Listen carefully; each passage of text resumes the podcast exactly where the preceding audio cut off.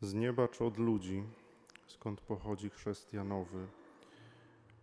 Takie pytanie Pan Jezus zadaje arcykapłanom i starszym ludu, którzy do Niego przychodzą i którzy Go pytają, jakim prawem to czyni, kto dał Mu władzę czynienia tych rzeczy, które, które dokonuje. Z nieba czy od ludzi? Ta kwestia pojawia się jeszcze w Nowym Testamencie kilkukrotnie i kilkukrotnie bardzo mocno wybrzmiewa. Kiedy Pan Jezus przychodzi do Nazaretu, do miejscowości, z której pochodzi, ludzie z jednej strony dostrzegają, że e, czyni cuda. Skąd zastanawiają się, skąd u niego ta mądrość i cuda, które czyni, skąd u niego to wszystko. A z drugiej strony mówią, że przecież bardzo dobrze go znam, on jest z Nazaretu, on jest stąd, on jest synem cieśli.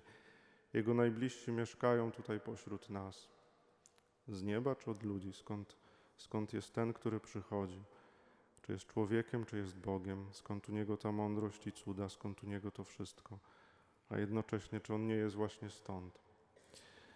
Ta kwestia pojawia się też w dziejach apostolskich, wtedy kiedy apostołowie głoszą i przepowiadają dobrą nowinę o Chrystusie. I wtedy, kiedy na te słowa przepowiadania odpowiadają wiarą inni ludzie, którzy gromadzą się we wspólnotę Kościoła. Po uwięzieniu apostołów wybrzmiewa na nowo ta kwestia i Gamaliel, broniąc apostołów, mówi: Jeżeli ta sprawa pochodzi od ludzi, to się rozpadnie, a jeżeli pochodzi od Boga, to żeby się nie okazało, że walczycie z samym Bogiem i w żaden sposób nie jesteście w stanie zwyciężyć. Z nieba czy od ludzi? Tego typu pytanie, ono czasami też pojawia się e, w naszym myśleniu i w naszym działaniu. Jakkolwiek można raczej mieć wrażenie, że ta perspektywa właśnie nieba gdzieś zanika, że bardzo często jakoś jesteśmy przyzwyczajeni do tej jednej perspektywy, perspektywy ziemskiej, doczesnej, naszej ludzkiej.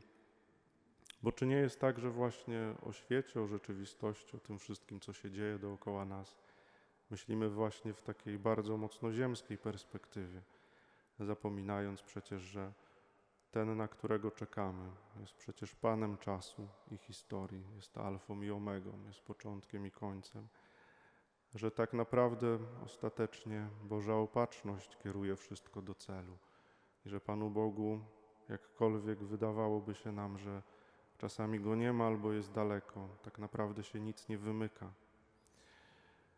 Czasami zapominamy też o tym w myśleniu o nas samych, próbując urządzić się tutaj na ziemi, tak jakby to było jedyne nasze życie, jakby to była cała rzeczywistość naszego życia, zapominając o tym, że jesteśmy powołani do wieczności, że przez chrzest jesteśmy Chrystusowi, że ten Boży, Boży zadatek życia w nas jest zakorzeniony, że jesteśmy wezwani, powołani do, do rzeczywistości, która jest, która przekracza rzeczywistość doczesną, przekracza rzeczywistość ziemską. Z nieba czy od ludzi? Warto, żeby gdzieś to rozróżnienie w nas wybrzmiewało, żebyśmy nie zatracali też tej perspektywy niebieskiej, tej perspektywy Bożej, takiej perspektywy, która jest perspektywą nie z tego świata, żebyśmy nie przywiązywali się tak bardzo tylko i wyłącznie i myśleli tylko i wyłącznie, działali tylko i wyłącznie w tej perspektywie ziemskiej, doczesnej, ludzkiej.